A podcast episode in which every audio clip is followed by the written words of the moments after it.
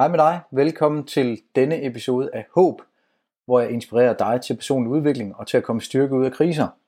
I denne episode der interviewer jeg Kenneth Jensen, som har virksomheden Coach Igniter. Han hjælper personlige trænere med at tjene flere penge.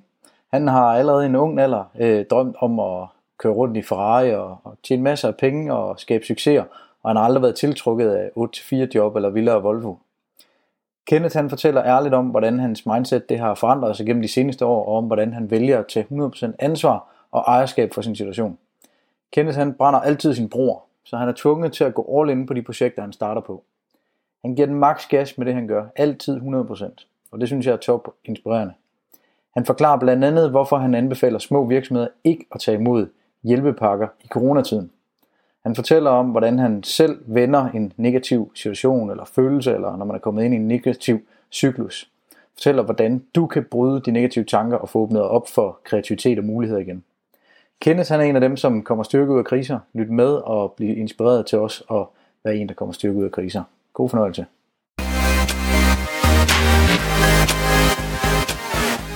Mit navn det er Thomas Dybro. Jeg er foredragsholder, coach og forfatter. Mit ønske med den her podcast det er at inspirere dig til at tro på, at du stort set altid kan komme styrke ud af kriser. Ja, at du faktisk kan vokse som menneske ud gennem de kriser, du oplever gennem livet. For vi oplever alle sammen kriser gennem livet. Både nogle, der er store og nogle, der er små. Hvordan reagerer du, når du bliver presset? Er du styret af din frygt, eller lever din drømme stadigvæk? Er der stadig håb? Jeg blev ramt af en dødelig lavine på Mont Blanc i 2012, hvor vi var 25 bjergbestigere, som forsøgte at komme op på Mont Blanc, og ni omkom. Jeg har selv oplevet posttraumatisk vækst og vokset efter den her krise. Jeg kommer til at interviewe en masse andre, som også er kommet styrke ud af kriser. Den her podcast, den vil inspirere dig og klæde dig på til at komme styrke ud af kriser. Jeg giver dig værktøjer, succeshistorier og en tro på, at fremtiden den gemmer på en masse positivt for dig, som er åben over for det. Tak fordi du lytter med. Hej Kenneth. Hej Thomas. Velkommen til. Jo, tak skal du have. Dejligt, du kan være med her i dag til at ja. inspirere en masse mennesker. det er godt.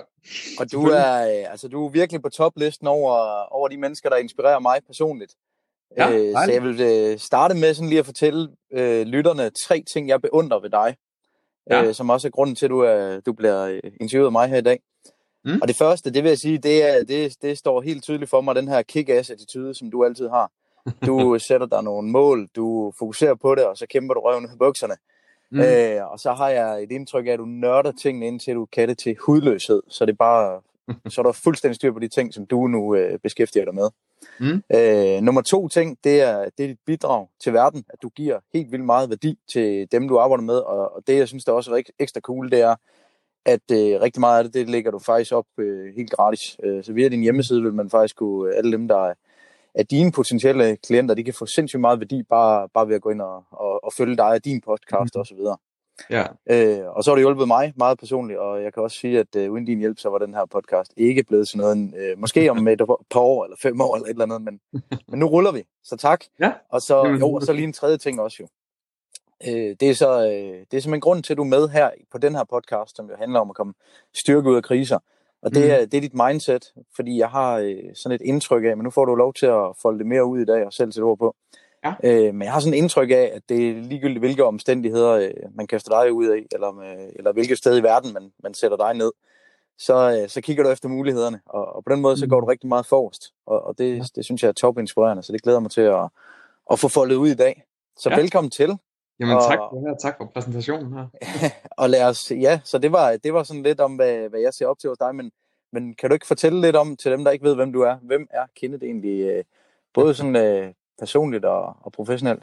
Ja, jamen helt sikkert. Øhm, nu har vi jo ikke øh, kendt hinanden sådan super lang tid, så, øh, så det er jo ikke sikkert, at du kender sådan helt til min baggrund.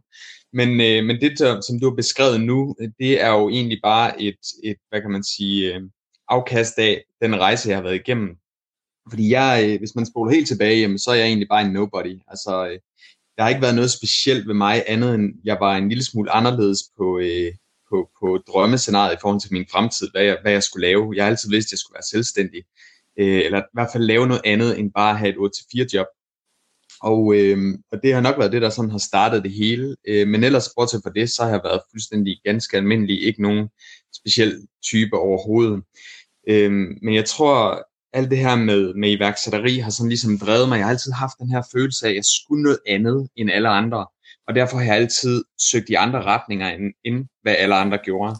Øh, og så, øh, når, man, når man går imod strømmen, så oplever man pludselig nogle andre ting, som, som nogle mennesker vil opleve som meget anderledes. Øh, simpelthen fordi, at der er ikke alle, det er ikke alle, der gør det her. De fleste, de, de går bare, kan man sige, gåsøjne, øh, den vej, som skolerne ligesom lærer os fra barnets bund af, og får et almindeligt job, og ja, har et 8-4, får bygget en familie, får et hus osv., øh, og det har bare aldrig nogensinde tiltalt mig, så jeg har altid gået den modsatte retning. Øhm, og så er det bare, at man møder nogle andre, nogle andre indgangsvinkler, nogle andre typer mennesker, og, og bliver inspireret på nogle andre fronter. Ikke? Så, men øhm, helt basically, så har jeg haft en million forskellige uddannelser, og en masse forskellige typer jobs i alle mulige forskellige fag. Jeg har været autolakær, jeg har været brandmand, jeg har været teknisk designer, og så blev jeg personlig træner. Øh, jeg har taget en masse uddannelser i den retning, øh, og nu er jeg så der, hvor jeg har mit, øh, mit eget firma, der hedder Coach Igniter, med øh, tanken om at hjælpe personlige træner med at få bygget deres forretning øh, på en lidt, med en lidt anden tilgang, end hvad man normalt tænker, men meget fokus på at sælge nogle premium forløb, hvilket vil sige nogle, nogle mere eksklusive forløb til deres kunder. Øh, og det har været en kæmpe succes, siden vi, vi lancerede det her for en to og et halvt års tid siden, fra, fra nu af. Øhm, så i dag så, så lever jeg 100% af det. Øhm, jeg har et team nu. Øh, vi består af hvad er vi, fem mand, fem seks mand nu. Øh, og øh, vi hjælper så en masse trænere med at få, få bygget deres forretning, og specielt øh, holde fokus på det her med mindsetet, og i ligesom ændre ens overbevisning omkring, hvad der rent faktisk kan lade sig gøre. Fordi når man, når man ligesom når man ser de ting, som, som jeg for eksempel har set på min rejse, jamen så finder man også ud af, at alt kan faktisk godt lade sig gøre. Det er et spørgsmål, man forstår, først og fremmest har mindsetet til at, at gøre det, men også at man, man lader være med at blokere sig selv hele tiden, men man mere ser det som nogle muligheder. Nu nævnte du det her med, at jeg, jeg er meget løsningsorienteret, og det er jeg. Øhm, og det, hvor jeg har det fra, det ved jeg faktisk ikke, men, men det er i hvert fald været noget, jeg er blevet meget mere opmærksom på her hen over de sidste par år, at være meget løsningsorienteret, se, se mulighederne, hvor andre de allerede har lukket ned for, for tankegangen. Øhm, og det, det er nok det, der har skabt den, den succes, vi har i dag med, med Coach Igniter specielt. Er det noget, altså uanset om det er noget, der ligger til ens natur, er det noget, du kan se, der er også vokset i dit mindset? Det er, altså, er det noget, man kan ja. dyrke, så man bliver meget, meget bedre til det? Eller hvad? Absolut, absolut. Øhm, hvis, man, hvis man spoler tilbage bare 5-6 år tilbage, øh, mindre end det faktisk, der har jeg, øh, altså jeg har haft meget modstand igennem min, min tid som iværksætter. Der har været rigtig mange ting, jeg har sat i værk, som aldrig er blevet til noget. Jeg har fået meget øh, kritik. Jeg, jeg bliver kritiseret rigtig, rigtig meget i dag også.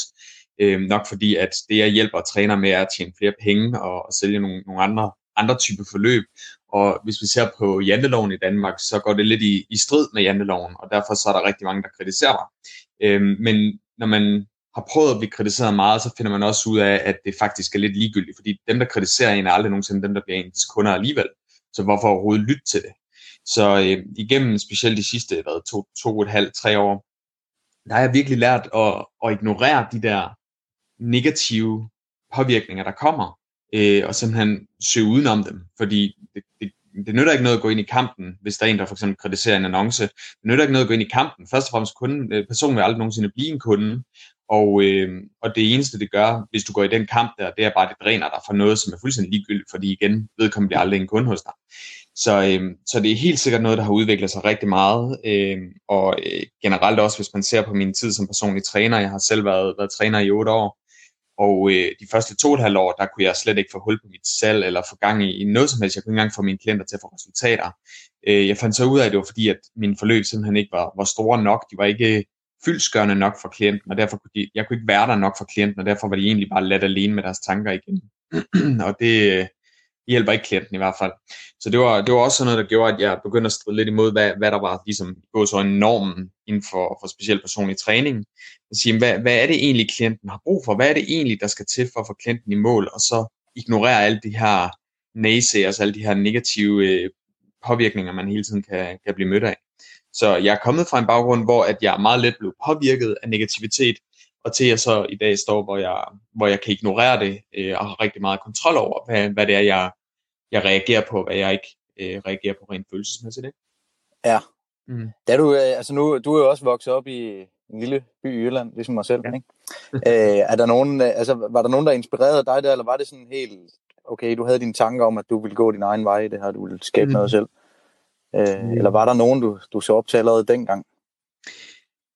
Jeg kan faktisk ikke pege nogen ud, som jeg sådan, som sådan så op til på det tidspunkt der. Øhm, jeg har altid haft den her følelse af, at jeg skulle, øh, jeg skulle have Ferrari og alt muligt halløj.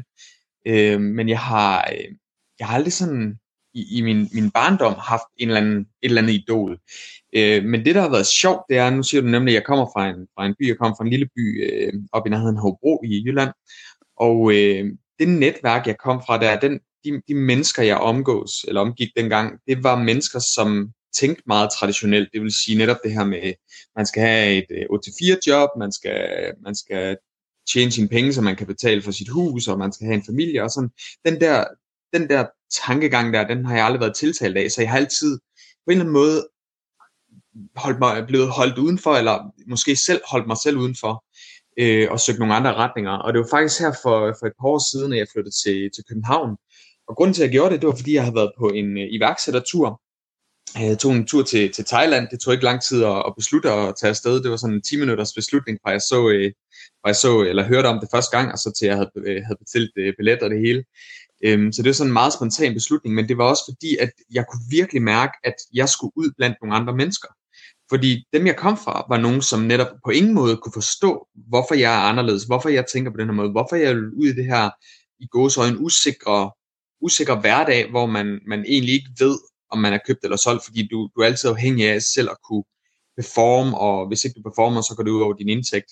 Så, så mange har aldrig kunne forstå det, specielt ikke mit bagland. Men øh, så kunne jeg bare mærke, at jeg skulle bare, jeg skulle bare ud blandt nogle andre mennesker, og øh, kom så afsted på den her tur her en uge i Thailand. Øh, det var en stor investering for en lille uge, men den har, jeg har tjent den investering hjem 20 gange, hvis det kan gøre det.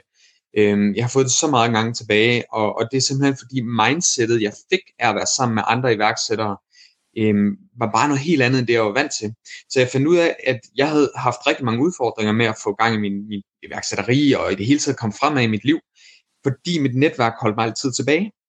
Men da jeg pludselig kommer ud blandt nogle net, eller et netværk af mennesker, som tænker større end mig, så bliver jeg lige pludselig udfordret for noget, som jeg normalt havde set som værende et stort mål. Øh, hvor folk er sådan lidt, hvor, hvorfor er du ikke længere end det? Altså det var, det var ligesom om det var sådan en helt anden mentalitet, de havde. Øh, og det gjorde, at jeg fik sådan lidt, der er et eller andet, jeg misser her. Der er noget, jeg ikke, jeg ikke har fanget. Og øh, efter, efter jeg, jeg fandt ud af det her med, med de her iværksættere her, de kom alle sammen fra København-området af, så tænkte jeg, der var slet ingen tvivl, jeg skulle til København.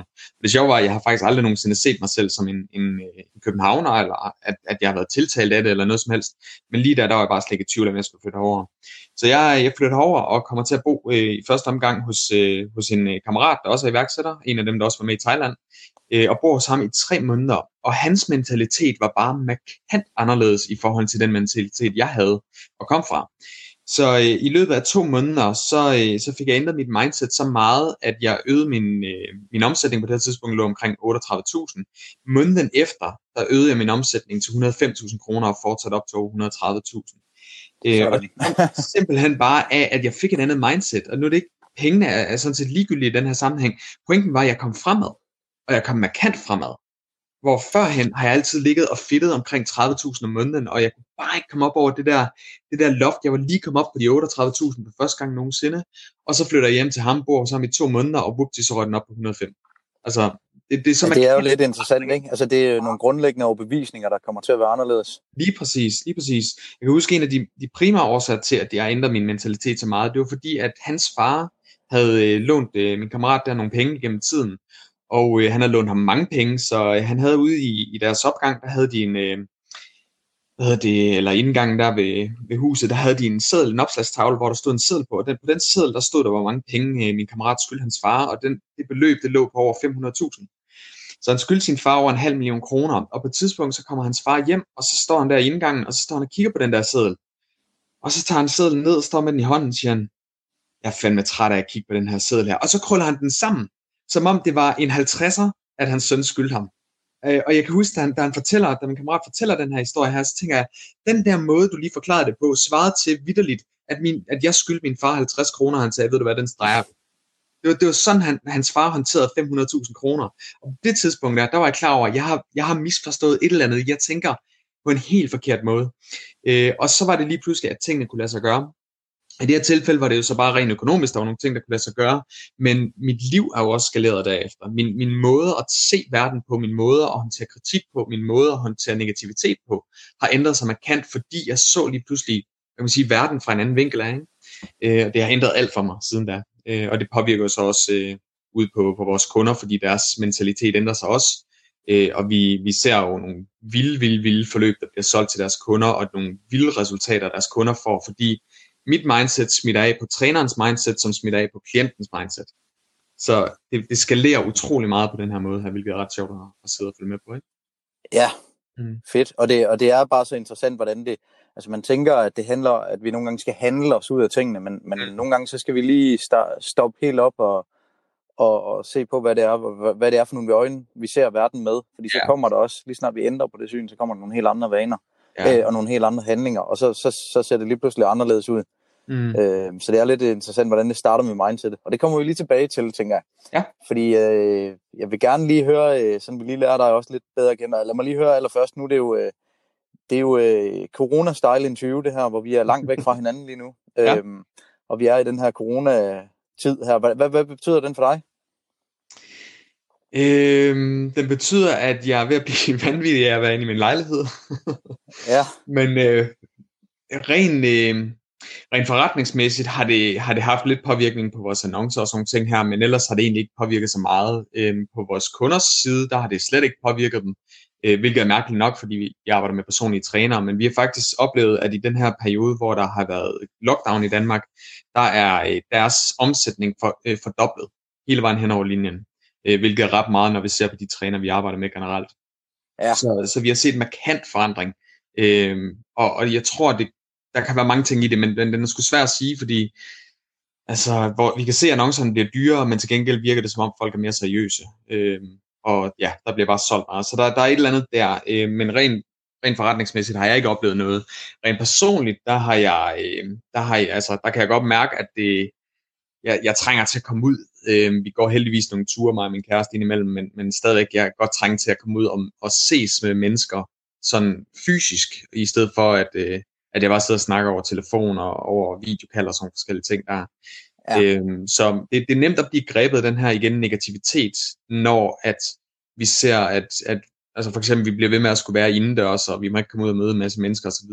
Det kan godt, det kan godt påvirke en rigtig, rigtig negativt. En anden side af det, det er også, at det, hvis man for eksempel er selvstændig, eller man, man er på et arbejde, der er lukket ned på grund af, af lockdown og det, så bliver man også meget hurtigt kørt ind i den der negativitet igen. Men det, som, som jeg beundrer rigtig, rigtig meget i forbindelse med lige præcis sådan en krise, som vi står i nu, det er, hvor mange muligheder, der åbner sig op. Jeg ser det jo meget close up, fordi at jeg har trænere, som normalt arbejder fysisk med klienterne, men nu bliver tvunget til at forholde sig til situationen, og tvunget til at tænke i andre baner.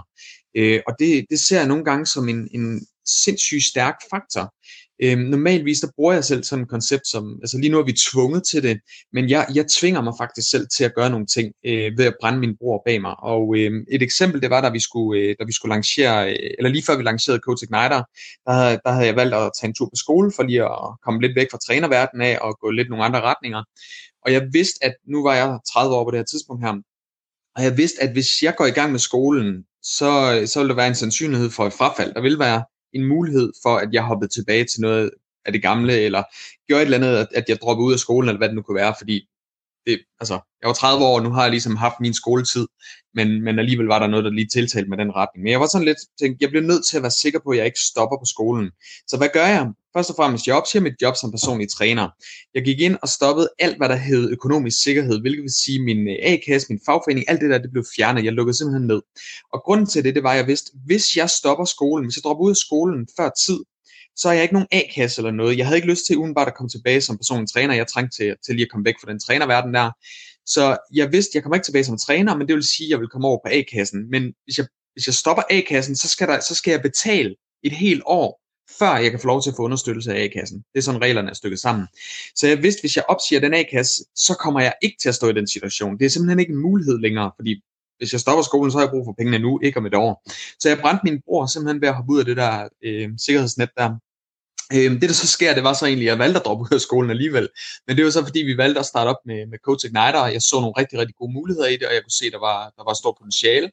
Og øh, jeg vælger så at hoppe ud i det. Og så står jeg igen i samme situation og siger, okay, nu kan jeg vælge at hoppe ud i, i Coach Igniter og stadigvæk køre min skole. Men sandsynligheden for, at jeg får succes med Coach Igniter, den er ikke særlig stor, hvis jeg samtidig skal fokusere fuldtid på min skole.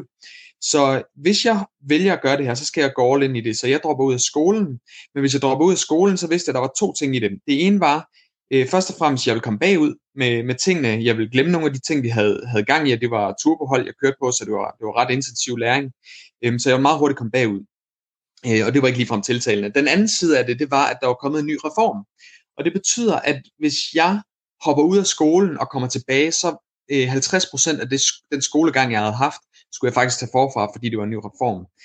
Øhm, så jeg vælger at sige, øh, jeg hopper ud af skolen, jeg satser 100% på, at jeg bliver væk fra skolen af, og tre måneder efter, at øh, jeg lancerede, jeg tror endda det var to måneder efter, at jeg lancerede Coach Igniter, der hoppede jeg ud, der var jeg fuldtid som coach, eller som, øh, som mentor i, i programmet, og jeg brændte min, ikke mine bøger, dem afleverede tilbage til skolen, men jeg brændte alle mine papirer fra skolen af, hvilket vil sige, bogstaveligt at jeg brændte min bror, og nu havde jeg ikke mulighed for at komme tilbage på skolen. Mm. Så ja øh, den mentalitet er lidt det, vi faktisk ser lige nu i forbindelse med coronatiden. Bortset fra, nu er det ikke folks egen beslutning, nu bliver de tvunget til at forholde sig til det. Og derfor ser vi en markant forskel på, på muligheder. Jeg ved ikke, hvor mange jeg har snakket med, som siger, det der med at lave videomøder, det er bare så meget mere effektivt. Jeg skal ikke bruge tid på transport, og øh, så holder man møder med sin, sit team øh, online og sådan ting. Jeg ser markant forskel, nye muligheder. Jeg ser øh, virksomheder, der normalt ikke laver levering eller restauranter, der normalt ikke leverer mad, som pludselig begynder på det og ser nogle helt nye muligheder.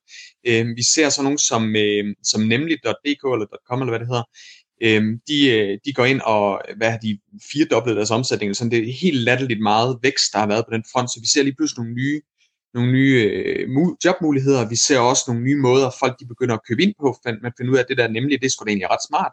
Og man begynder at købe mad ind, ind øh, online, i stedet for at gå ud og handle. handle. Vi, ser, vi ser så meget udvikling og vækst lige nu i en krise. Og det tror jeg, der er mange, som, der er mange, der ser det efterhånden, men der, det, det er kun noget, der, vi ser, fordi vi bliver tvunget til at gøre det. Øh, men, men der sker nogle muligheder, der åbner op for en masse muligheder, og det er jo netop det, du sagde der med løsningsorienteret. Øh, ja. ja. Så, så, hvad hedder det? Altså, Tony Robbins, uh, coaching guru, han har også det der udtryk, han altid har brugt, burn the boats. Ja. Så når man uh, angriber fjenden, så, uh, så når man lige kommer i land, så brænder man sin egen både, sådan forstår ja. jeg det.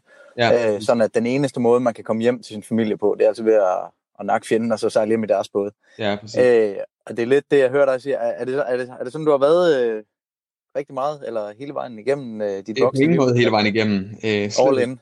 øh, det, All or nothing. Ja, det er en udviklingsproces, øh, men jeg har fundet ud af, at det virker rigtig godt for mig. Øh, hvis jeg, når jeg lancerer nogle nye produkter, så starter jeg også for eksempel med at sælge dem, inden jeg har lavet det. Så jeg laver et nyt forløb af en eller anden art, så sælger jeg det først, og så ser jeg, om folk gider at købe det. Hvis folk gider at købe det, så laver jeg det bagefter. Men det betyder også, når jeg har en liste med, øh, for eksempel et af mine forløb, det solgte jeg, der solgte jeg for næsten 100.000 kroner, før jeg overhovedet begyndte at sætte så meget som en, en kuglepindstreg. Øh, og det vil sige, nu har jeg folk, der har betalt 100.000 kroner for at være med på det her, og jeg har ikke lavet noget endnu. Jeg bliver nødt til at få det gjort, så jeg prioriterer min hverdag anderledes for at få tingene til at ske. Men det er jo også en af årsagen til, at vi har haft så meget vækst i Coach Igniter, så altså meget fremgang. Øhm, nu har vi de sidste to og et halv, små to og et halvt år, der har vi hjulpet træner med at sælge for over 6 millioner kroner personlig træning. Det er ikke kommet tilfældigt, det er jo kommet, fordi vi netop hele tiden vi, vi sætter os nogle ting, sætter os ned og siger, nu er det det her, vi gør, og så brænder vi vores bord, så vi bliver tvunget til at gøre det, eller brænder vores både, så vi bliver nødt til at kæmpe for det. Øh, og på den måde, så, så har vi set markant vækst, men det er en udviklingsproces, det er ikke bare, jeg er ikke, det er ikke en medfødt evne, det er noget, jeg har, jeg har udviklet med tiden efterhånden, som jeg har fundet ud af, at, at der er nogle ting, der ikke fungerer, hvis ikke jeg gør det. Øh, og jeg har set, hvor meget mere fremgang jeg har, når jeg gør det.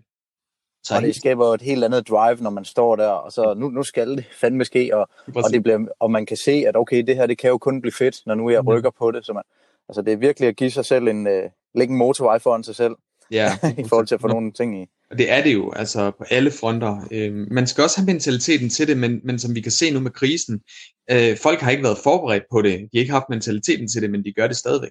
Vi bliver nødt til det. Fordi hvis ikke du har mad på bordet, så har du et problem. Bliver nødt til ja. at gøre noget. Jeg opfordrer faktisk vores træner til, i forbindelse med alle de her hjælpepakker, der er kommet, så, så lavede jeg et, øh, en live øh, video, og så snakkede jeg, så fortalte jeg overskriften var et eller andet med, hvorfor du skal holde dig langt væk fra hjælpepakkerne, sådan noget den retning. Så sådan ret, øh, hvad kan man sige, opsigtsvækkende overskrift. Ja. Og øh, det, det hele det handler om, det er, hvis du for eksempel har en virksomhed, og du står nu og siger, okay, jeg har nedgang i min virksomhed, åh, der kommer de her hjælpepakker, måske kan jeg søge om dem, og så, så går det hele nok. Problemet med det, det er jo netop, at hvis du får hjælpepakkerne, hvad gør vi så?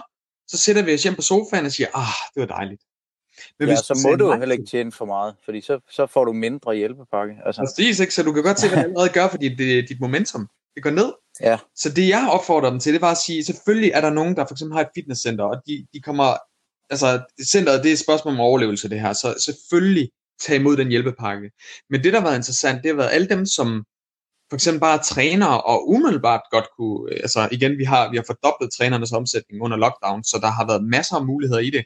Men det er jo netop fordi, de ikke tager imod de hjælpepakker, og de går all in på det og siger, okay, jeg har ikke noget alternativ, jeg bliver nødt til at performe, og så går de ud og gør det.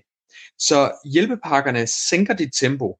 Dog skal du også selvfølgelig tage imod det, hvis det vidderligt er, at hvis ikke du har den hjælpepakke om 10 dage, så går dit firma konkurs. Så selvfølgelig gå efter det. Det er ikke det, jeg siger.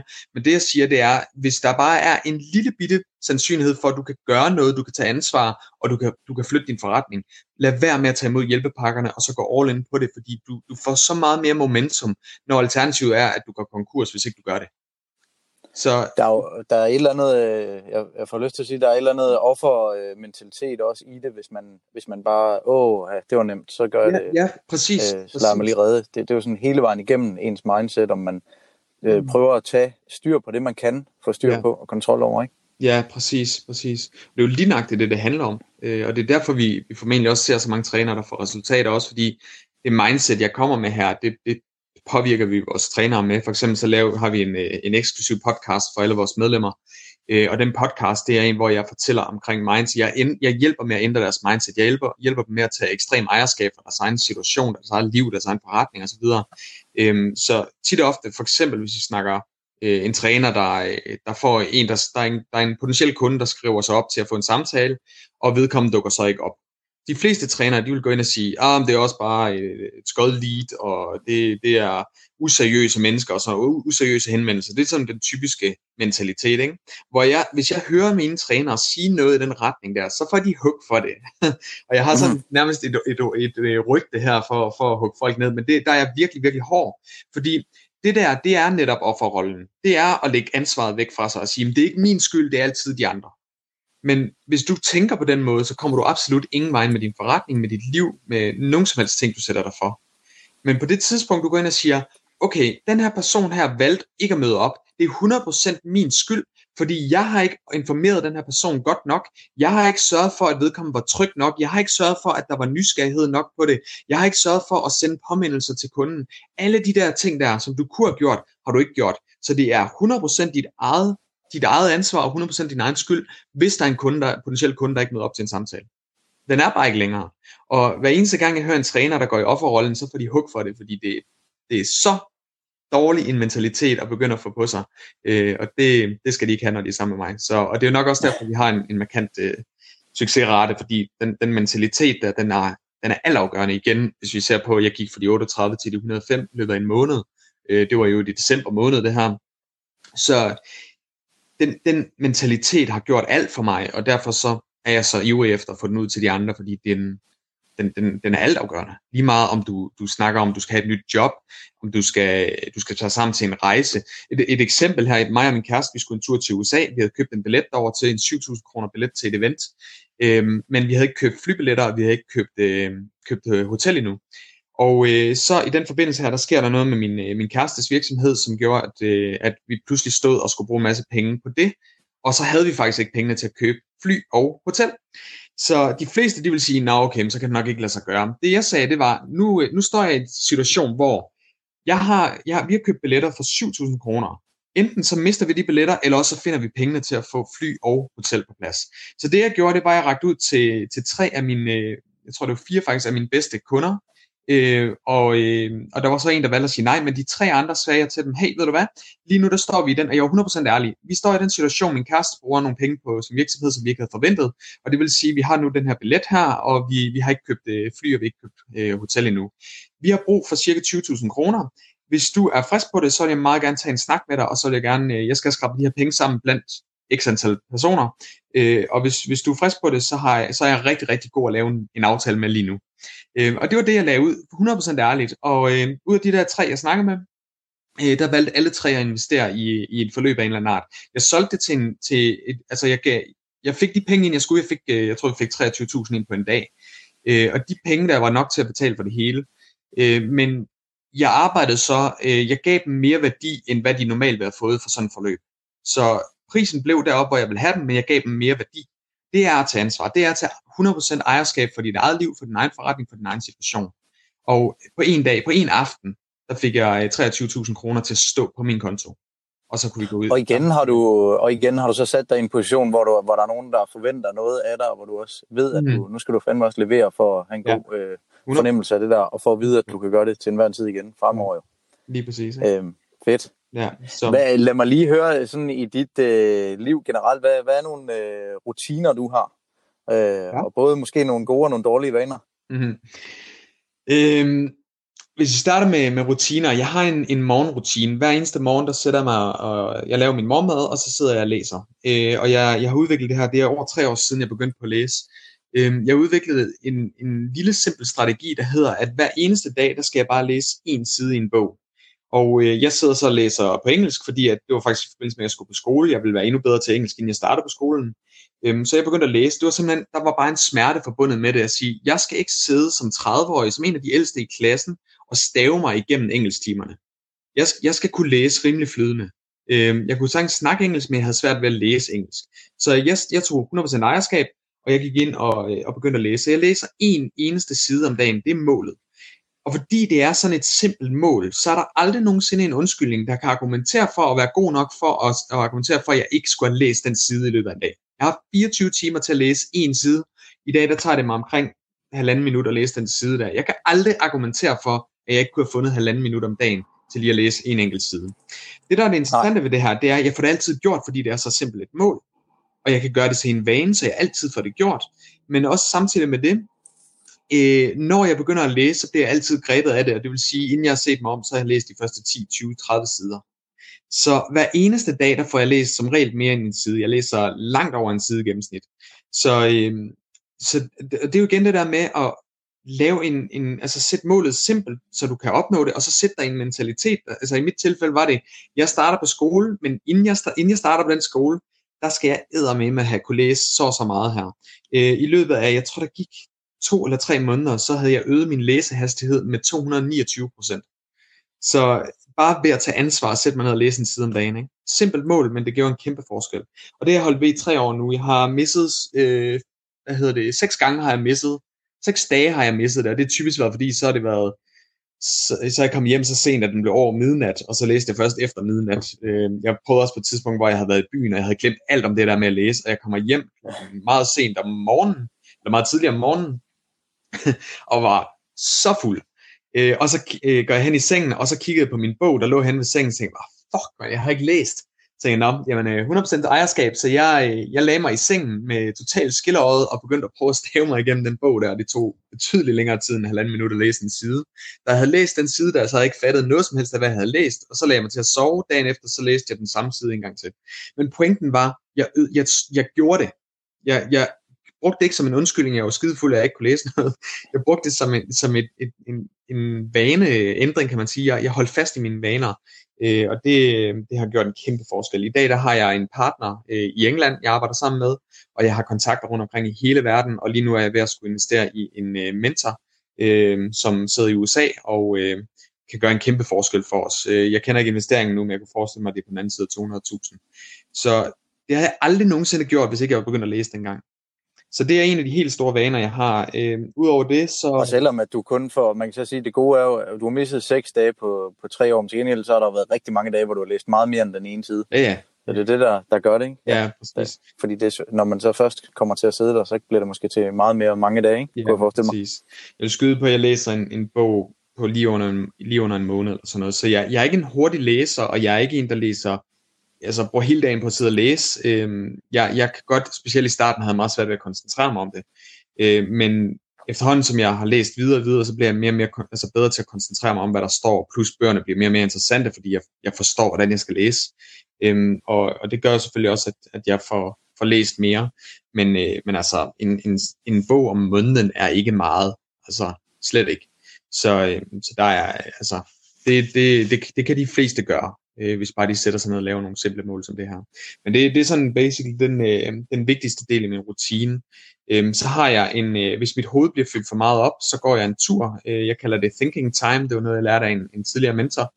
Og, øh, og det handler simpelthen om, at jeg går en til to timer, og så går jeg simpelthen bare og tænker. Nogle gange, øh, som regel har jeg en blog med, en lille notesblok, og så går jeg og skriver tanker ned. Jeg går måske, øh, nogle gange går jeg med et spørgsmål, som, som er typisk altid forretningsrelateret, men det kan også være noget med livsrelateret. Hvordan vil jeg gerne leve mit liv?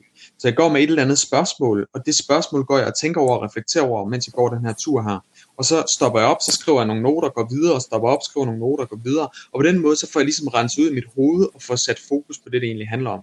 Øhm, det lyder sådan meget sådan spirituelt-agtigt noget det her, men det, det er egentlig en meget, meget simpel proces med, hvad jeg gør. Jeg læser hver eneste morgen, og øh, når mit hoved bliver fyldt op, så går jeg en tur skriver ting ned øh, i notesbog, det er det.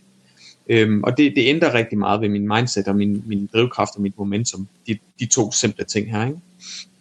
Øhm, ja. Så jeg skal se på, på øh, dårlige vaner, så vil jeg egentlig hellere sige, øh, man har selvfølgelig altid nogle dårlige vaner, men jeg tror, øh, hvis vi spoler tiden tilbage til bare en, en 4-5 år siden, der havde jeg øh, igen, jeg har været iværksætter nu i 15 år, og jeg har haft rigtig mange nedture, rigtig mange hug, rigtig mange ting, der ikke er lykkes. Øhm, og jeg havde en gammel vane, der hed, at hver eneste gang, at jeg fik modstand, hvis jeg, hvis jeg havde sat sig på, at jeg havde fået, kunne sælge mit produkt, og det pludselig ikke blev solgt, eller der var modstand, der var nogen, der kritiserede mig, eller hvad det nu var, så havde jeg en rigtig dårlig vane med at, øh, at ligge mig over i min seng, og øh, nærmest bruge de næste 14 dage i den seng, hvor jeg bare lå og krammede min dyne, og, og havde under mig selv og så ah, hele verden er imod mig, og det her det virkede heller ikke, og, og bare de der rigtig, rigtig negative tanker, som bare på ingen måde flytter en i nogen som helst positiv retning. Så det, det brugte jeg utrolig meget tid på det der. Typisk 14 dage, hvor jeg bare lå der og havde under mig selv, før jeg til sidst rejste mig op, og så begyndte at tænke nye baner, og fik ny energi og begyndte at lave noget nyt. Så øh, hen over de sidste par år, der er jeg blevet meget bevidst omkring de negative tanker, hvor meget, hvor meget negativt det fører med, hvor, hvor, hvor lidt momentum vi har, når vi tænker negativt. Og det jeg har fundet ud af, det er, øh, og det er det, det, der virker rigtig godt for mig. Hvis jeg kommer ind i noget negativ cyklus, og det gør vi, vi gør det altid, jeg er ligeglad med, hvor succesfuld man er, man kommer altid ind i en negativ cyklus på et eller andet tidspunkt, det er kun et spørgsmål om tid. Og når det sker, så gør jeg typisk det, at først og fremmest, øh, hvis vi tænker på det, vi har en negativ tanke, og vi, hvis vi begynder at dyrke den negative tanke, så svarer det lidt til, at vi graver et hul, og det hul det bliver bare dybere og dybere og dybere. Jo dybere hullet er, jo længere er der op til overfladen igen. Så mit første mål, det er ikke at sige, nu skal jeg sætte mig ned og tænke positive tanker, og whoopty, så kommer jeg op af hullet, for det kommer ikke til at ske, let's face it. Det der til gengæld vil være et godt sted at starte, det er, lad være med at grave hullet dybere. Så i stedet for at grave hullet dybere, så graver jeg mere vandret. Så hullet er en meter dybt, men jeg, jeg graver det ikke dybere. Jeg kommer ikke ned på, på to meter. Jeg bliver ved med at ligge på en meters dybde, men jeg graver vandret. Og måden jeg gør det på, det er ved at, at lytte til positive ting, til speakers, til øh, motivational speakers på YouTube for eksempel. Det er det, jeg bruger rigtig meget. Øh, der er en gut, øh, Tom Bellevue, han Øh, så om til et event her i år, øh, i øh, februar i, øh, i USA. Mega nice gut. Jeg kender ham godt fra tidligere, og han, er, han har et, øh, et vir- en virksomhed, der hedder øh, Impact Theory, hvis man går ind og søger på det inde på YouTube, så finder man øh, en masse interviews med nogle af de mest succesfulde mennesker i hele verden. Og øh, de her interviews her, dem har jeg lyttet rigtig meget til, men også en masse andre motivational speakers. Og øh, når jeg går ind og lytter til det, så svarer det til, at jeg stopper med at grave mit hul dybere. Så jeg, grav, jeg, begynder, jeg stopper med at grave dybt, og så begynder jeg at grave vandret i stedet for. Jeg er ikke kommet op af hullet, men jeg har stoppet den negative cyklus. Det der sker nu, det er, når jeg kan mærke, okay, nu, nu er jeg ved at have kontrollen igen. Jeg, jeg graver ikke dybere. Jeg er bare på status quo men, men jeg graver ikke dybere. På det her tidspunkt her, så begynder jeg at række ud til andre mennesker. Og det vil sige, nu har jeg heldigvis øh, fået opbygget et stort netværk internationalt blandt andet, men også i, i Danmark med forskellige iværksættere. Folk, der tænker større end mig. Så lige så snart jeg har stoppet den negative cyklus, først der begynder jeg at række ud til andre mennesker. Fordi hvis, hvis nu du og jeg, Thomas, står og snakker sammen, jeg kommer til dig og siger, du spørger mig, hey, hvordan går det? Jeg siger, ah, det går sgu ikke så godt. Det er faktisk noget rigtig møg. Den her øh, coronakrise her, den har ødelagt alle vores annoncer, og vi, vi kan ikke få nok salg igennem, og vi er 50% under, hvad vi havde regnet med, vi skulle osv. Den samtale, den er rigtig, rigtig nederen for dig også. Så jeg trækker dig ned nu, fordi jeg er i gang med at komme mm. mit eget hul, og, og nu, nu trækker jeg dig med ned i hullet. Det er ikke fair over for dig. Så det jeg gør, det er igen, jeg tager ansvar. Jeg siger, okay, jeg bliver nødt til at tage ansvar nu. Jeg bliver nødt til at stoppe den negative cyklus og lade være med at grave et hul dybere. Så jeg graver det vandret ved at lytte til de her motivational speakers. De motivational speakers der, de bliver ikke påvirket af min negativitet. Så jeg påvirker ikke nogen andre lige nu. Så jeg lytter til det, indtil mit mindset er begyndt at blive rettet op, og jeg, jeg ligesom er begynder at grave vandret. Når jeg kommer der til, rækker ud til for eksempel dig og siger, hey Thomas, øh, har du øh, tid til det at snakke lidt? Ja, det har jeg. Okay. Og så kan vi snakke lidt og så sige, jeg har lige været inde i den her cyklus her, men jeg, jeg går sådan lidt og tænker, hvordan jeg kan komme videre. Har du nogle gode fiduser osv.? Det er en anden, det er en anden det er en anden samtale, vi får, fordi jeg er åben mm. over for en dialog. Hvor før var jeg bare negativ og ønskede bare at, at have medfølelse, have medlidenhed for dig af. Og derfor så vil jeg trække dig ned. Men fordi jeg kommer nu og, og tænker på, at jeg har stoppet den negative cyklus, og nu har en, en, et løsningsorienteret mindset, så vil det være en meget mere behagelig samtale for dig. Du vil være meget mere engageret under vores samtale. Du kan meget bedre løfte mig op af det her hul her, uden at det påvirker dig negativt. Så af den årsag her, så kan jeg pludselig hoppe op af det her hul her, og så er jeg, så er jeg på vej fremad igen.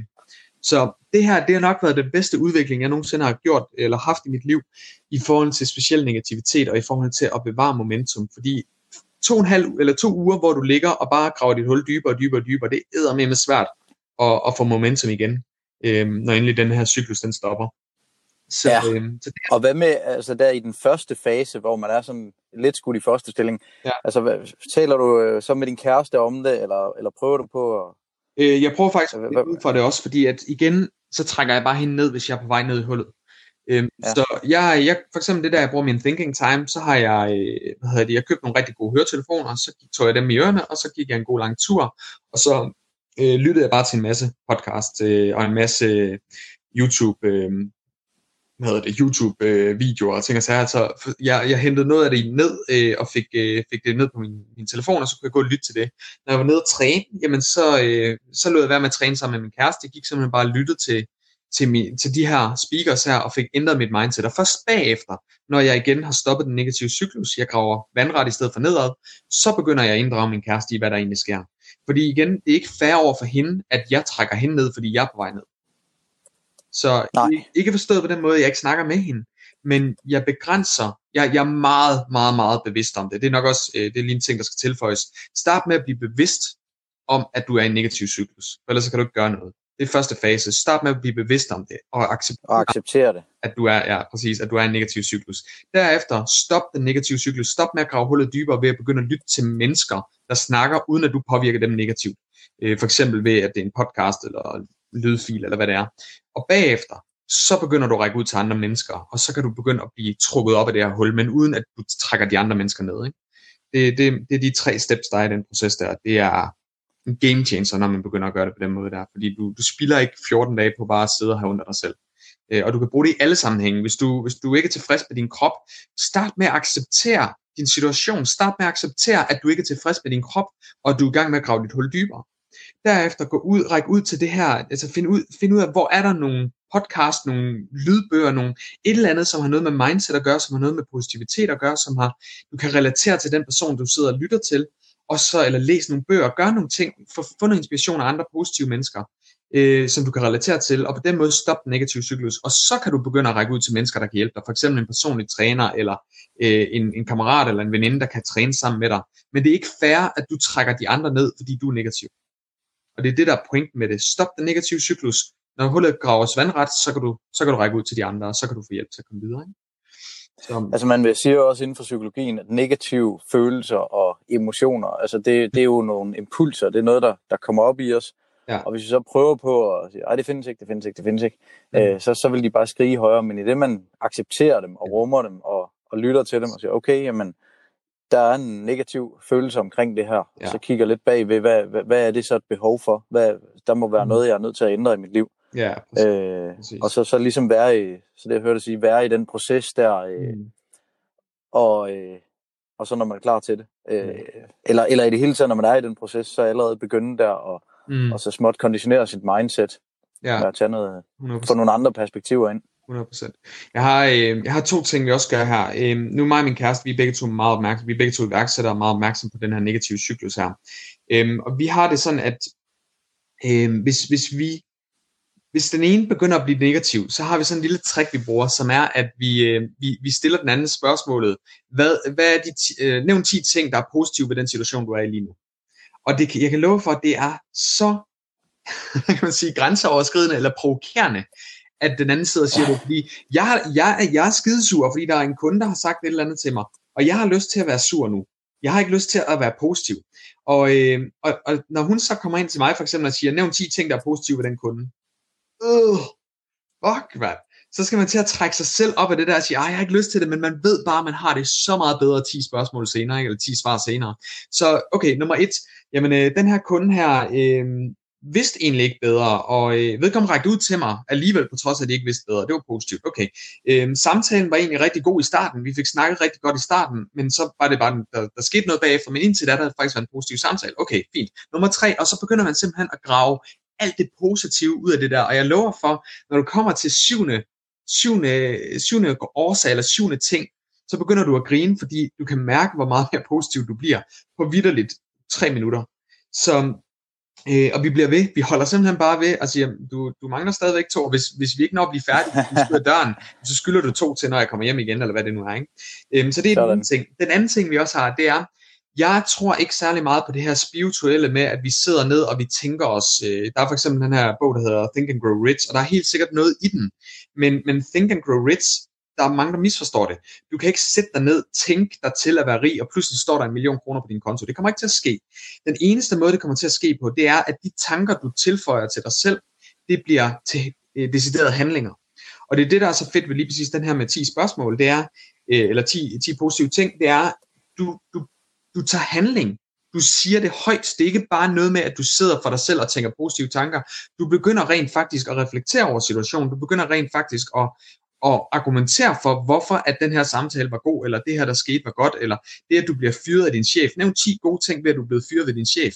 Hvis man er meget følelsesladet connected til den fyring der, så er det fandme svært at finde 10, spørg- eller 10 positive ting ved det. Men når du begynder at gøre det, det er lidt ligesom krisen. krisen for, du bliver nødt til at forholde dig til, at der er krise. Hvad gør du? Hvis du tænker positivt, find 10 gode, gode ting til, at der er lockdown i Danmark. Eller 10 gode ja, 10 gode ting, der er sket på grund af lockdown i Danmark. Øh, jeg har fundet ud af, at jeg kan lave min forretning på den her måde. Jeg har fundet ud af, at jeg har, øh, jeg har meget mere værdi, af, at får meget mere ud af min hverdag, når jeg er mere sammen med min familie. Jeg har fundet ud af, bla bla bla, en hel masse forskellige ting. Så vi ja. tvinger os selv igen til at forholde os til tingene. Øh, og det er, det er en game changer, når vi gør det. Men jeg tror ikke på det der med at sætte sig ned og jeg, øh, jeg er meget øh, negativ omkring mig selv og mit udseende, så nu sætter jeg mig ned og tænker på, at jeg er en god person, og jeg er god nok, og jeg er positiv, eller jeg, jeg er flot, og jeg, jeg er smuk. Jeg tror ikke på det. Der, hvor jeg tror på det, det er, når vi begynder at tage handlinger bag ved det. Det vil sige, hvis, hvis man sidder og siger, jeg er smuk, så gå der ud og køb noget tøj, der får dig til at være selvsikker. Det er handling bagved ordene, ikke? I stedet for bare at tænke, jeg er smuk, gå ud og sørg for, at du bliver smuk. Tag en, en tur i frisøren og brug nogle penge på dig selv.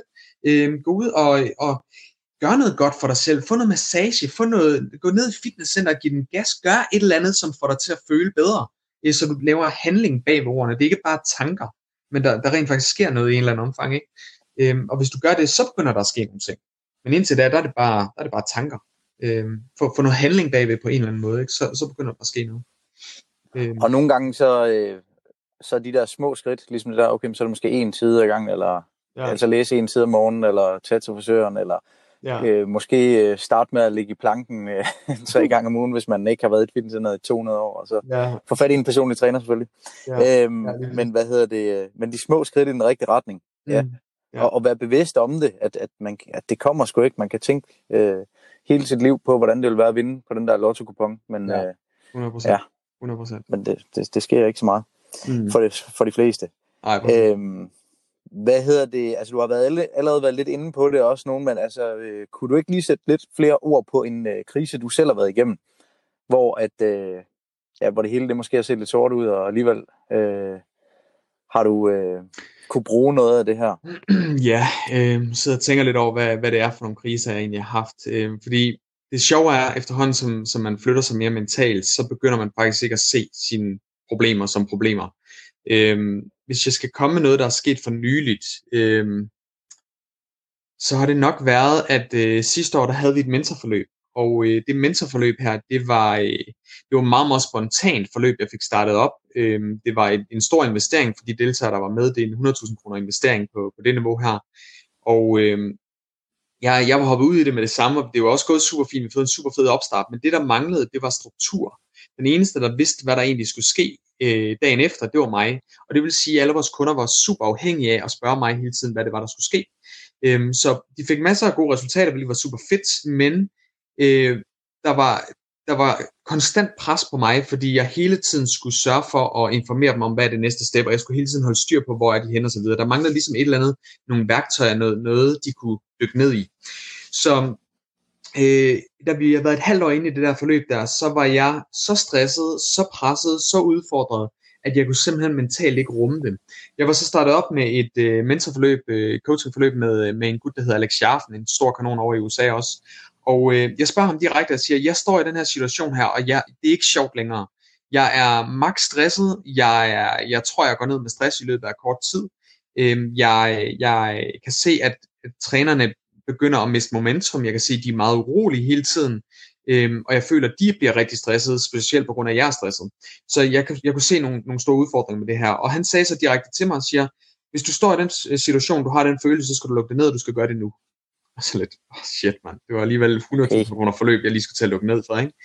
Ja. Øhm, og jeg siger, okay, jamen jeg stoler på dig, jeg har en grund til at betale for dig, så, øhm, så jeg valgte at sige ja til det, og så øh, gik jeg direkte hjem, og så med, øh, hvad hedder det, bookede jeg folk ind til et møde, og så fortalte jeg, hvordan situationen er, og vi blev nødt til at lukke ned for det. Øhm, derfra, der røg min, øh, min omsætning, der lå på et sted mellem 120 og 150.000 eller sådan noget. Øhm, den røg ned øh, med det samme. Jeg, jeg røg over 100.000 kroner ned i omsætning fra, den, e, fra det ene, den ene dag til den anden dag. Så i det tilfælde her, øh, og igen, det her det kan, det kan man relatere til mange forskellige ting. Det behøver ikke at være pengerelateret. Øh, det kan være familie, det kan være øh, fysik, det kan være alt muligt arbejdsrelateret, whatever. Øh, men, men i det her tilfælde her var det så firmarelateret. Øh, men jeg står her, min omsætning den er faldet med over 100.000 kroner på en, om, om måneden. Like that. Og øh, det man typisk gør igen, det er at gå i offerrollen og sige, åh, det er også hårdt, og man ligger sig ned de næste 14 dage og sig selv. Men problemet er der stadigvæk, selvom der er gået 14 dage, hvor du ligger og haft dig selv. Så, så det jeg gjorde der, det var, at jeg tog 100% ansvar. Jeg sagde, det her, det virkede ikke. Der var en årsag til, at det ikke virkede. Lad mig finde ud af, hvilke problemer der var i det her forløb her. Jeg fandt ud af, at blandt andet strukturen var et problem, og der var en hel masse andre ting med, med øh, for os måden, jeg kørte min forretning på, at der var for meget pres på mig, der var for mange, der var afhængige af mig hele tiden. Hvordan kan jeg gøre dem mere uafhængige af mig, så jeg også ligesom kan trække vejret. Øhm, og af den årsag, der byggede jeg et nyt forløb op, som øh, vi i dag kalder Trainer Business, øh, Trainer Business Camp, og det er basically en online bootcamp på 8 uger, hvor at vi går ind og hjælper trænerne på et gruppeplan øh, og øh, hjælper dem igennem en meget, meget fint struktureret proces, så det hele er beskrevet i en workbook, og der er supplerende videomateriale til, og der er netværk med andre trænere, der kan sidde og hjælpe hinanden, så vi de ikke altid er afhængige af at få svar fra os. Øhm, og det har også gjort, at folk tager mere ansvar for deres egen forretning. De hjælper hinanden, hvilket gør, at de bliver mere bevidste om, hvad der virker for dem, og hvorfor det virker. Og hvis de ved det, så kan de også gøre mere af det, og så får man mere succes. Så det at hjælpe andre mennesker gør, at du bliver bedre. Og det er det, der skete. Øhm, og efter det, så øh, der gik vidderligt, altså jeg, jeg tror, det var ikke engang 100, det var mere end 100.000. Vi var nede på 15.000 kroner om måneden i omsætning. Det var det, jeg vidste, der ville komme ind måneden efter. Men det, der reelt set skete, det var, at måneden efter, der var vi over, to, øh, over 100.000 en gang til. Så det var fordi, jeg tog ansvar. Jeg sagde, det her var problemet. Nu går jeg ind og finder en løsning på problemet, og nu lancerer jeg det med det samme. Og så begyndte jeg at få solgt, øh, solgt det nye forløb og, øh, og hæve øh, 100.000 ind på kontoen øh, i løbet af den her måned her, hvor jeg ellers normalt kun ville have fået 15 ud. Så så man skal også, man skal, man skal nogle gange lige øh, mærke efter, hvor balancen er mellem, at man kæmper for at opnå noget, man har sat sig for, mm. øh, hvor det bliver for meget, øh, ja. hvor det bliver på bekostning af alt muligt. Øh, og hvor man nogle gange skal også kunne trække splitten, uden at det nødvendigvis er at give op. Ikke? Ja, ja, præcis, fordi jeg kan ikke op, jeg blev bare, jeg, jeg indså, at den her model her er ikke rigtig jeg vidste, jeg kunne stadig hjælpe dem. Vi havde hjulpet i gennemsnit, de her træner, de var oppe og, og havde omsat for over 250.000 på det her tidspunkt, det første halvår. Så jeg vidste jo, at det virkede. De havde tjent penge til hjem to og en halv gang. Øhm, så, så det virkede. Men jeg kunne bare også se, at, at der var nogle ting, der ikke virkede. Øh, og modellen var forkert. Og, og det der også er, nu igen, det her det handlede ikke om mig. Det her det handlede så meget mere om trænerne, fordi jeg var i en situation, hvor jeg kun kunne håndtere 15, 15 trænere. Og de her 15 træner her var max stresset, fordi jeg var stresset, hvilket ikke hjælper dem. de kunne have fået det dobbelte ud af det, hvis jeg havde mentalt været mere til stede. Så lige nu var, var den bedste måde, jeg kunne tage ansvar for, for min forretning og mine, mine kunders resultater, var ved, at jeg trak stikket. Jeg blev nødt til at, at stoppe det, jeg havde gang i, fordi det virkede ikke. Hvis jeg gik ned med stress, så ville jeg ikke kunne være der for dem. Og dermed vil jeg svigte dem. Så den eneste måde, jeg kunne redde dem på, den eneste måde, jeg kunne hjælpe dem på, det var ved, at jeg stoppede, hvad vi havde gang i. Og jeg tog ansvar, jeg satte mig ned og brainstormede på det, gik en masse ture, tænkte det hele igennem, så hvad var problemet, hvad var problemet, hvad var problemet, hvor er der, hvor er der ting, som går galt. Når jeg ved alle de her problemer, så kunne jeg finde en løsning på det. Jeg sige, okay, det her problem, hvordan kunne jeg løse det? Hvordan kunne jeg løse det her problem? Hvordan kan jeg løse det her problem? Hvordan kan jeg løse det her problem? Og på den måde fik jeg ligesom skrevet alle løsningerne op. Og der havde jeg faktisk mit nye produkt, og så vidste jeg allerede på forhånd, at folk ville få bedre succes med det. Så jeg tog ansvar, vendte tilbage, og nu har vi lige lanceret vores nye, vores nye forløb, der, der hedder Trainer Business Accelerator, som så er vores nye mentorforløb på, på 100.000 plus. Og øh, allerede nu, øh, vi har en af dem, der lige er startet, han gik fra, fra 35.000, 30 til 35.000 om måneden, til i, øh, mens der har været coronakrise, at ramme 140.000 kroner øh, på en måned. Så Sådan. det, det var result- grunden til, at det kan lade sig gøre, det er, fordi jeg har løst problemet, jeg havde før. Og det var sjovt med ham her, han har været en af dem, der var med på, på forløbet tidligere. Han er, ikke, han er ikke kommet op over de der 30.000 der. Og lige pludselig så kommer vi og lancerer et forløb, som løser alle de problemer, der var på det forrige forløb. Og whoopty, så rører han op over 140.000 på en måned, hvilket er latterligt, når vi tænker på, at der er krise i Danmark, og der er lockdown, og folk ikke kan komme ud og, og træne osv. Øhm, så, så det, det er så meget med at kigge, øh, jeg går rigtig meget op i også med mine trænere, at de skal glemme alt om at tjene penge, når du sidder og snakker med en kunde, fordi det, det blokerer dig for rent faktisk at lytte til, hvad kunden siger. Lyt til kunden og have sådan en don't give a fuck mentalitet, som jeg kalder det, hvor man ligesom tænker, øh, tænker så meget mere på, jeg er ligeglad med salget. Det her det har ikke en skid med mig at gøre. Det har 100% noget med klienten at gøre. Klienten sidder i en situation, hvor kæresten ikke bakker dem op, mm, øh, kollegaen driller dem, når de sidder med salat på tallerkenen, Øhm, øh, de, de, de er i et netværk, der er negativt, de har skader, de er usikre, de har fejlet ekstremt mange gange, øh, de har ikke noget tid, fordi de er alene med børnene, whatever. Øh, en masse forskellige ting. Jeg forstår, hvor klienten er, fordi jeg ikke sidder og tænker på, at jeg skal tjene nogle penge. Jeg kigger mere på, hvor er klienten henne? Hvad er det, der holder dem tilbage? Hvordan kan jeg løse det problem for dem? Og når man tænker på den måde, så bliver det så meget mere attraktivt. Klienten føler sig meget mere tryg ved dig, og derfor har de også lyst til at investere. Som jeg plejer at sige til trænerne, øh, folk er ikke bange for at investere, de er bange for at fejlinvestere. De er bange for at proppe penge i noget, der ikke virker. Så hvordan kan du sikre dem bedre? Hvordan kan du få dem til at sidde med en følelse af, lige meget hvad der sker, så vil jeg umuligt komme igennem det her forløb her uden at få resultater. Hvordan kan du sørge for, at de sidder med den følelse? Og hvis du gør det, så kan du få dem til at købe det rigtige forløb, og når du giver dem det rigtige forløb, så kan du også hjælpe dem med rent faktisk at nå deres mål. I modsætning til 80-90% af alle andre trænere, som går ud desværre og bare sælger et standardforløb, et eller andet en pakkeløsning, som ikke, egentlig ikke rigtig er overvejet i forhold til klientens mål. Øh, og det er det, der er vores helt store mission, at hjælpe de her trænere med at blive endnu bedre til at sælge deres forløb, endnu bedre til at løse problemet for klienten, og på den måde kan vi bare påvirke så mange flere mennesker. Så helt klart det der med, at man, man, man, man skal ikke sætte sig i den offerrolle der, man skal acceptere, lige nu er det en, en skød situation, hvad kan jeg gøre ved det? Hvad, hvad var problemet, ja. og hvad kan jeg gøre for, for at ændre det? Kom ind i den der, den der, ud af den der negative cyklus der, øh, med de her ting, der med at snakke om nu. Så det, det gør en kæmpe forskel. Og hvad med, altså hvis, hvis man lige skulle gøre noget og sige nogle helt konkrete råd til øh, dem, der lytter med i forhold til sådan helt konkret mindset. Altså du ja. nævnte også det her med, at du bliver bedre til at håndtere kritik og sådan noget, og i det hele taget til at håndtere de her udfordringer. Så hvis man skal arbejde med sit mindset, styrke sit mindset, mm. det, er ikke, øh, det er jo ikke nemt lige at, at bare lige gøre øh, på fem minutter, men, men kan du øh, sådan lige bare, øh, ja, hvis du skal skære det helt ind, hvad vil du så sige, hvad kan man gøre?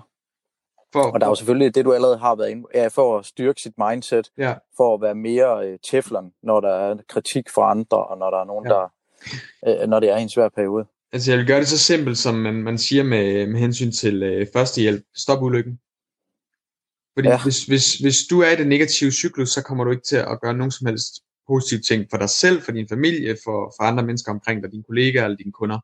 Så stop den negative cyklus, hvilket svarer til stop ulykken. Ulykken den bliver kun værre, hvis du bliver ved med at tænke negativt. Så hvis, hvis du skal hvis du virkelig skal gøre noget godt for dig selv og dit mindset, så start med at stoppe ulykken. Stop den negative cyklus. Fordi når du gør det, så vil alle de andre muligheder, de vil komme med sig selv. Du vil finde ud af, at tingene bliver meget nemme. Du, du vil spotte de positive ting. Det er det, der ligger i den der bog, der hedder Think and Grow Rich.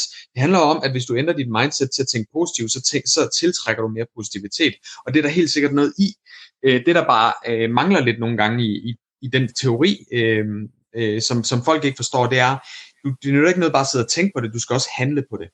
Øh, men, men start med at stoppe den negative cyklus. Det er, der, det er der, det hele det foregår. Hvis du kan stoppe den negative cyklus, så åbner du op for noget, nogle, nogle, du tiltrækker positive mennesker, du tiltrækker positive ting, du ser ting, der er positive. Hvis du er negativ, så er det ikke fordi, der ikke sker positive ting omkring dig. Du ser dem bare ikke. Fordi dit mindset er fokuseret på negativitet. Så det du ser og tiltrækker, det er negativitet. Men hvis du, hvis du tænker, hvis du stopper den negative cyklus, så vil du, det er ikke sikkert, at du nødvendigvis finder de positive ting med det samme, men du finder ting, som i hvert fald ikke er negative. Og på den måde kan du, kan du stagnere den der, så du ikke graver hullet dybere. Og så bagefter kan du begynde at se mere af de positive ting, begynde at ændre mindsetet mere til de positive ting, lave handlinger, der er positive, øh, snak med mennesker. En ting er, at du snakker med mennesker, der kan hjælpe dig. Noget andet er også, at du rækker ud til nogle mennesker og hjælper dem, når du, når du er i den der, når du stadigvæk er i hullet. Det er vandret hullet, men du er i hullet nu. Gå ud og hjælp nogle andre mennesker. På den måde, så vil du opleve positivitet, positivitet, hvilket hjælper dig til at se de positive ting. Og når du ser de positive ting, så er det, det er svært at være negativ blandt en masse mennesker, der er positive. Det er virkelig, virkelig svært. Ja. Prøv det. Altså, gå ind til en hvor der er gang i det, og så indstille dig på at være negativ. Det er virkelig, virkelig svært. Men omvendt, prøv at sætte dig i en negativ, øh, et negativt miljø, og prøv at være den positive, og se, hvor lang tid den holder. Det gør det. Det er rigtig hårdt at rive op. Ja. ja. Det er virkelig, virkelig svært. Så, så helt sikkert den der med at tænke sig positivt, en, en, det, det er helt sikkert noget i det, men du skal, lave, du skal lægge noget handling bag ved det. Men, men stop den negative cyklus først, det er mit absolut bedste råd, det er nok det, der har gjort den, den største forskel mentalt for mig. Øh, fordi når jeg, når jeg stopper med at se negativitet, så begynder jeg automatisk at se positive ting, og så bliver det fandme svært ikke at være positiv. Så, og måden du, det der er helt specifikt, når man stopper cyklusen, ja. så er det noget med, at man øh, stopper med at gå og tale det her med, at man sætter de negative ord på til en masse mennesker, og nogle gange så, så oplever jeg, at nogen de fortæller et eller andet negativt om, hvordan et eller andet de har oplevet, mm. og så hører de fortæller den historie til mig, så hører de fortæller nøjagtigt den samme historie til en anden familiemedlem, mm. eller ven, eller et eller andet. Ja. Så man bare bliver ved med at fylde øh, rummet med lort. Ja. Altså, man bliver ved med at sige de samme negative ting igen. Ja. Så det er noget med ikke at sige, ikke sådan som jeg hørte, mm. Øh, og så er det noget med, er det der, er det helt fra starten også en del af det at stoppe cyklusen? Er det også det her med at begynde at lytte til noget, nogen der kan inspirere en øh, positivt? Eller er det øh, ja, ja, og stop cyklusen, øh, det er helt sikkert, at øh, altså stop med at grave det hul dybere der, det gør du ved blandt andet at, og først og fremmest acceptere situationen, acceptere at du er i det her hul her, så du, så du er bevidst om, at du skal gøre noget, og så begynde at lytte til de her øh, andre mennesker, der snakker, men jeg vil, jeg vil bare ikke tage fat i en fysisk person, fordi at du har en risiko for at trække dem ned og det er ikke fair. Øhm, så det jeg gør, det er, at jeg, jeg rækker ud, jeg finder igen øh, lydbøger, eller læser en bog, øh, eller øh, lytter til en podcast, eller øh, de der forskellige ting, motivational speakers på YouTube, finder de der ting, som kan inspirere mig, uden at jeg påvirker speakeren. Og når jeg først begynder at stoppe den der negative cykel, så når du kan mærke, nu bliver det ikke værre, nu, nu stagnerer den bare, fint, nu rækker jeg ud til andre mennesker ved enten at snakke med nogen, der kan hjælpe mig, eller jeg hjælper nogle andre. Det der med at hjælpe andre, det virker endnu bedre. Så det, det er den måde, jeg gør det på. Ikke? Ja, mm. og det ligger også helt grundlæggende i os i, i forhold til at, at være mere glade og positive, og når vi så bliver det, mm. så bliver vi mere kreative osv.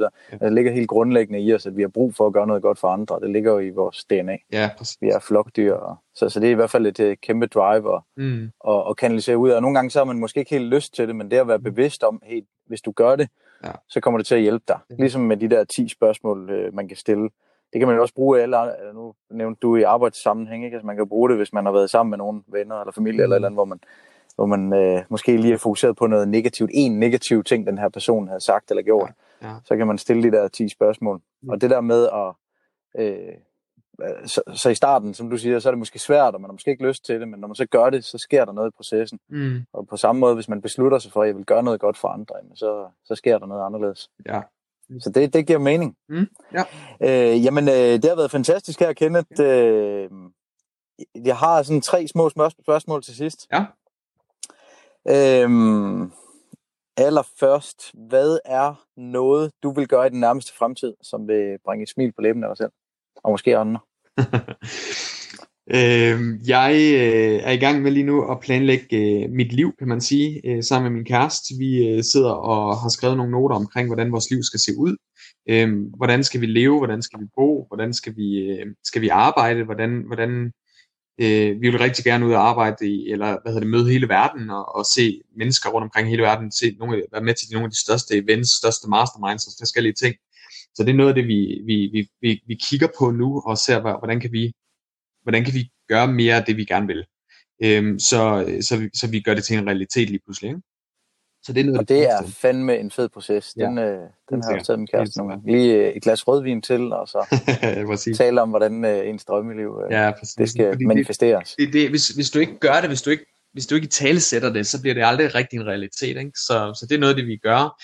Øh, og en del af den proces, det er også, at vi kommer til at, at lave en investering. Nu har nu mig og min partner øh, fra England, der vi kommer til at lave en investering på, øh, på ham er den nye, øh, nye mentor, nye coach, vi, vi skal have fat i her, og øh, jeg ved, de kan flytte os derhen, hvor vi ønsker at være, og, og det er en stor del af den proces her, fordi vi, vi skal, selve forretningen skal bygges mere op omkring mit liv, i stedet for at jeg skal tilpasse mig forretningens liv. Øh, jeg har 100% geografisk uafhæng, øh, uafhængighed i dag, jeg kan tage ud i hele verden, og jeg kan arbejde hvor som helst, når som helst, øh, med, med hvem som helst, men, men jeg skal også jeg skal også have et liv, hvor jeg ikke er afhængig af at skulle sidde ned foran computeren på bestemte tidspunkter, men jeg egentlig bare kan stå og lave content, eller hvad det nu er, jeg skal lave, øh, på de tidspunkter, der passer mig. Så det er noget af det, vi skal arbejde os hen imod. Øh, forretningen må ikke være afhængig af mig. Den skal køre, uden at jeg nødvendigvis er til stede fysisk. Øh, eller i det hele taget til, er med på møder og ting og sager. Ikke? Um, og det, ja, for det er jo der, hvor man virkelig kan skalere det også. Ja, 100%. Og, og, og skabe frihed. Uh, Lige præcis, ja. og det, det er den, den største drivkraft, jeg har, det er, det er min egen frihed også. Øhm, jeg er ikke, ja. øh, nogen tror, jeg er pengemotiveret, men det er jeg faktisk ikke. Jeg har prøvet at tjene rigtig mange penge, og ikke bruge dem, fordi jeg var, var fastlåst i, i, i bestemte tidszoner, eller bestemte perioder, hvor jeg skulle sidde og, og være med på kald og så videre. Øhm, jeg var i USA en måned, og i den måned, blandt andet i Miami, der var vi på stranden fire gange i løbet af en hel måned. Øhm, og det var fordi, jeg sad i, lidt inde i en kummefryser og sad og, øh, under aircondition der, og sad og, og havde coaching kald og så videre. Og det er ikke måden, jeg ønsker at leve mit liv på. Øhm, og af den årsag har jeg også fået, øh, fået øh, flere, jeg har et par coaches, der sidder og hjælper nu med at, at coache vores trænere. Øhm, så så det, det er et stort skridt på vejen. Nu skal vi egentlig bare derhen, hvor vi kan gøre det stabilt og, og trække mig endnu mere ud af den daglige drift, og så mere fokusere på, øh, på den overordnede strategi og på, på udviklingen. Så investeringen her i den her coach kommer til at gøre en kæmpe forskel for mig, men det kommer også til at påvirke den måde, vi underviser vores træner i, fordi Øh, jeg tror ikke på, at drømmescenariet er, at en træner arbejder fra morgen til aften med alle de klienter og tænkelige klienter, de kan. Jeg havde en, en træner, vi fik op på 30 timer om ugen, og, øh, og han var ved at gå fuldstændig i, i brædderne, fordi det, det er utrolig hårdt mentalt at træne øh, personer øh, hvad hedder det, individuelt. Øhm, og derfor så, øh, så blev han meget hurtigt drænet af at have 30 timer om ugen. Så det vi gjorde, det var, at vi gik ind og fik ansat en træner hos ham. Og øh, fra den ene måned til den anden, der gik han fra 55.000 til 198.000. Øh, og øh, kunne trække sig ned fra de 30 timer til 6 timer om ugen. Og pludselig så havde han kald, coaching kald med os derhjemme i haven, siddende i bar mave, hvor solen skinnede på ham. Det havde han aldrig haft mulighed for før, hvor, hvor han havde så mange timer. Ikke? Så jeg tror ikke på, at penge løser problemet for os, øh, hvis vi ikke også har tidsmæssig, øh, minimum tidsmæssig frihed, men også geografisk frihed i et eller andet omfang alt efter hvad man har lyst til. Og i mit tilfælde, der er pengene ligegyldige, hvis ikke jeg har geografisk og tidsmæssig frihed. Så øh, friheden, den er 100% det vigtigste for mig. Og derfor bygger vi ja. hele forretningen og hele livet, hele vores hele måden, vi, vi strukturerer vores hverdag på mig og min kæreste nu, det er baseret på, øh, hvordan vi ønsker at have, altså hvilken frihed vi ønsker at have, øh, og hvordan vi ønsker at leve vores liv. Så, ja. så det er helt sikkert noget, der kommer til at påvirke både os, men også, øh, også vores kunder, og dermed også vores kunders kunder øh, i det her tilfælde. Ikke? Ja. Mm. Jeg skulle lige til at sige, at det, det er svært at kopiere som uh, foredragsholder, men det er, jo, det er det jo ikke, for det er jo noget med at lave uh, online uh, produkter osv. Ja, det var en begrænsende opvisning, der lige hoppede ind. det er igen den der med at være løsningsorienteret. Ikke? Ja. Og det er også en, en, en vigtig ting også. Hvis du går ind i, hvis, hvis du har det her mindset, der hedder, det kan ikke lade sig gøre, så din hjerne, den lukker ned for muligheder nu det, det er en helt naturlig ting. Hvis, hvis der er noget, der ikke kan lade sig gøre, så har vi nu konstateret, hvis jeg siger, jeg kan ikke øh, som foredragsholder gå ud og, øh, og leve livet øh, hvad hedder det, uden geograf, eller hvor jeg øh, geografisk uafhængig. Øh, hvis, hvis du går ind med det mindset, så har du allerede sagt til din hjerne, du har givet din hjerne en kommando, der hedder, lad være med at bruge energi på at tænke mere over det, fordi der er ikke nogen løsning. Hvis du går ind og siger, hvordan kan jeg som foredragsholder få geografisk, 100% geografisk frihed? Det ændrer, det ændrer perspektivet. Lige pludselig har du givet din hjerne en kommando, der hedder, find en løsning. Problemet er jo, at når, vi, når hjernen tænker, så bruger den energi, og øh, rent naturligt fra, fra menneskesiden, den menneske, menneskelige natur, der går, der går kroppen ind og skruer ned for aktiviteter, der ikke er, er nødvendige. Fordi i sidste ende, jo flere kalorier du brænder, jo større sandsynlighed for, at du, du ikke overlever. Så kan vi holde kalorieforbrændingen lavt, så, så er der større sandsynlighed for, øh, for overlevelse, fordi du har, du har du, du får mere, altså du, du behøver ikke så mange kalorier for at overleve. Øhm, og det er jo en god situation, hvis man tænker rent overlevelses, overlevelsesmæssigt, men hvis du tænker øh, altså vil, vil ændre dit liv, så bliver du nødt til at være løsningsorienteret, og lade være med at sige, jeg tror ikke på, det kan lade sig gøre, fordi så har du kommanderet din hjerne til at ikke at bruge mere energi. Det er det første sted, den vil slukke ned, lukke ned, det er, hvis der ikke er, hvis der ikke er nogen, noget formål med at bruge energi på at tænke i den her retning, så kan jeg lige så godt spare de kalorier væk, og så slukker den. Men hvis du går ind med, med en indstilling om, hvordan kan jeg som foredragsholder blive geografisk uafhængig? nu begynder din hjerne at tænke, og ligesom du sagde det, så mm. begynder du også selv at tænke over det, ikke? men så er det noget ja. med online forløb og så videre, webinarer, det kan også være præsentationer, i hele verden. Der er masser af steder, hvor du kan komme ud og, og, og speak øh, til forskellige øh, events og sådan ting. Ikke? Så der er masser af løsninger, men hvis du havde sagt, det kan ikke lade sig gøre, så er du ikke engang begyndt at overveje, at der var en løsning. Din hjerne slukker ned med det samme. Ikke? Ja, det starter med, at man tillader sig at være åben over for mm. øh, i virkeligheden alle muligheder, ikke? og så, kan man, så gælder det om at stille de rigtige spørgsmål, hvordan kan jeg gøre det? Øhm, det er jo også det, der er min mantra altid. Ja. Jamen, fantastisk. Mm. Øhm, okay, hvem øh, vil du anbefale, at jeg interviewer til sådan en podcast her, hvor at, øh, jeg gerne vil inspirere mennesker og lytterne til at komme styrke ud af kriser og, og arbejde med deres mindset, være mere åbne over for muligheder og, og verden? Øhm, jeg har en kammerat, som, øh, som jeg tror vil passe rigtig godt ind i din podcast. Det er ham, jeg boede sammen med øh, i forbindelse med, øh, jeg flyttede til København her. Øh, og det var ham, der, der virkelig ændrede mit, øh, mit mindset fuldstændig. Øhm, og jeg, vi har tæt kon- kontakt, nu er det været to, to, ja lige omkring to år. Ja, det er faktisk to år siden. Sidste måned var det to år siden, at vi mødte hinanden første gang. Og vi har øh, i hvert fald i gennemsnit snakket sammen en gang om ugen siden da. Øh, vi har hjulpet hinanden så meget på forskellige led. Jeg kan også udfordre ham, men han udfordrer også mig. Og han, øh, han er rigtig, rigtig meget fokuseret på nogle af de her ting med det mentale, og også sådan noget med krisen her, hvordan ledes man, man ligesom kommer ud af det, og vi har mange, mange gode samtaler baseret på det. Øh, jeg går tit ture, hvor jeg har ham i røret og sådan ting. Så helt sikkert en, en person, jeg kan anbefale at snakke. Og hvad hedder han? Han hedder Lenny øh, René Ravn. Lenny. Lenny, okay, sådan at lytterne, de, øh, når nu de hører ham en dag, så ah, det var ham, som ja. kender den fælde. Præcis. Fedt. Okay, jamen øh, aller sidste spørgsmål. Hvor er det, man kan finde dig henne? Og øh, Coach Igniter, hvad, hvor ja. finder vi jer henne? Dem, som øh, gerne er mere nysgerrige på ja. Kenneth. Jamen, øh, det, jeg vil sige to steder. Øh, det ene, det er inde på vores hjemmeside, coachigniter.dk. Det staves C-O-A-C-H-I-G-N-I-T-E-R. Coachigniter.dk. Øhm, der er rigtig mange ting og sager at finde derinde. Og så er der vores, øh, vores podcast. Vi har jo en, øh, lige nu har vi en podcast på dansk med indtil videre 100 episoder. Jeg ved ikke, om jeg kommer til at smide flere episoder i den retning. Men, øh, men i hvert fald 100 episoder nu. Øhm, og så har vi en ny podcast, vi lige har åbnet op. Den er så på engelsk. Øhm, som, øh, den første podcast på dansk, den hedder Trainer Business øh, Secrets. Nej, undskyld, øh, Trainers, øh, Trainer Marketing Secrets. Og den nye, ja. den nye podcast, vi har, den hedder Trainer Business Secrets, og det er den, der er på engelsk. Øhm, man kan finde den inde på øh, Facebook, hvis man søger på Trainer Marketing Secrets, eller Trainer Business Secrets, hvis man har den, elsk, øh, den engelske, men, men det hele står inde på den, på den danske. Så Trainer Marketing Secrets podcast. Søg på det på Facebook, så finder man den, og man kan også finde link til den inde på min, øh, min hjemmeside. Øhm, så, så der finder man også det hele. Så øhm, den kan jeg anbefale at lytte til, hvis man synes, det jeg snakker om her har været interessant. Det er selvfølgelig baseret meget på, øh, på personlig træning, men vi har vidderligt folk, som laver jeg har haft de vildeste samtaler med nogen, der har... Jeg, jeg fik kontakt med en, der var cykelsmed, Øh, jeg har snakket Nej, med en, sådan. der vil være hækkeklipper og, og køre ind, øh, hvad hedder det, altså få hele landet op og køre, altså lave sin forretning, øh, så, så han kunne arbejde i hele landet. Øh, jeg har op, snakket med en, der var øh, barne, børnekunstner. Jeg ved ikke, hvad det indebærer. Altså, så, så er der rigtig mange andre, der lytter til, til mig. Coaches lytter rigtig meget til, til vores podcast også øh, og fysioterapeuter og massører og sådan ting også, øh, men helt sikkert personlige træner, det er 100% dem, vi går efter. Men, men øh, selv min mor, hun lytter med på min podcast.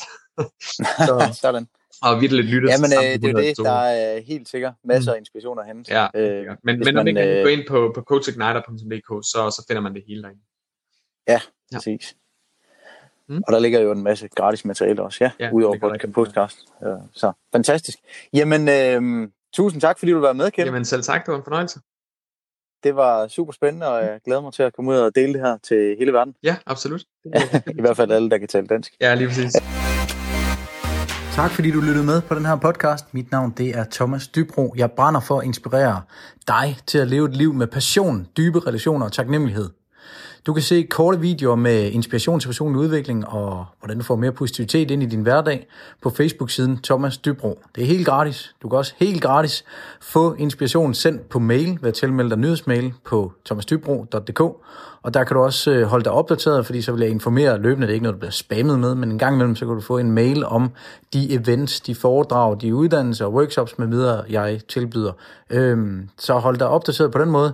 Husk at lytte med i de kommende afsnit af den her podcast, hvor jeg får besøg af nogle top spændende mennesker med livsbekræftende budskaber. Kan du have en fantastisk dag. Tak fordi du lyttede med.